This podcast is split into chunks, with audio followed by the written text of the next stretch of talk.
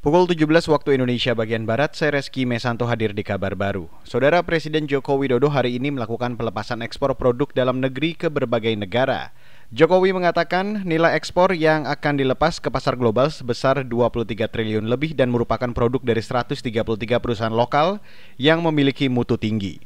Terakhir, saya ingatkan agar kegiatan pelepasan ekspor seperti ini tidak hanya seremonial semata, tapi menjadi momentum yang berkelanjutan, menghasilkan nilai ekspor yang terus meningkat. Dan dengan mengucap Bismillahirrahmanirrahim, saya resmikan kegiatan pelepasan ekspor dari negara kita Indonesia yang bernilai tambah dan berdaya saing ke pasar global pada hari ini. Presiden Joko Widodo mengatakan dari 130-an perusahaan yang terlibat dalam ekspor produk, 50 perusahaan di antaranya termasuk dalam kategori usaha kecil menengah atau UKM.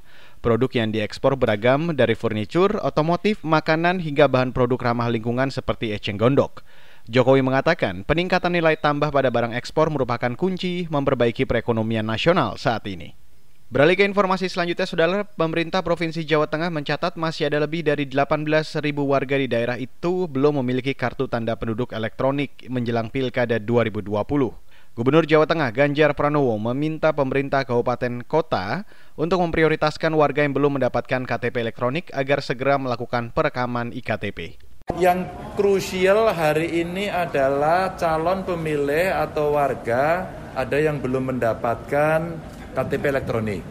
Dan inilah tadi langsung kita perintahkan seluruh kabupaten kota agar memprioritaskan mereka-mereka yang belum mendapatkan KTP elektronik cetak segera tunggoni.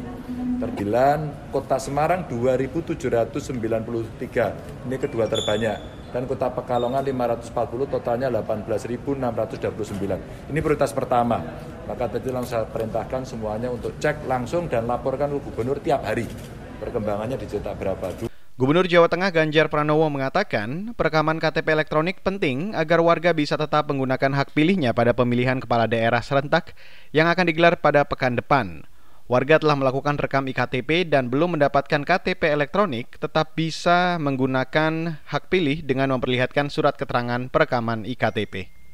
Kita beralih ke informasi lain, Saudara Duta Besar Indonesia untuk Uni Emirat Arab, Husin Bagis, mengklaim sudah mendapat suntikan vaksin COVID-19. Ia mengatakan sejak divaksin hingga saat ini kondisinya sehat. Meski begitu, ia dan seluruh staf Kedubes RI di Abu Dhabi tetap menerapkan protokol kesehatan dalam beraktivitas.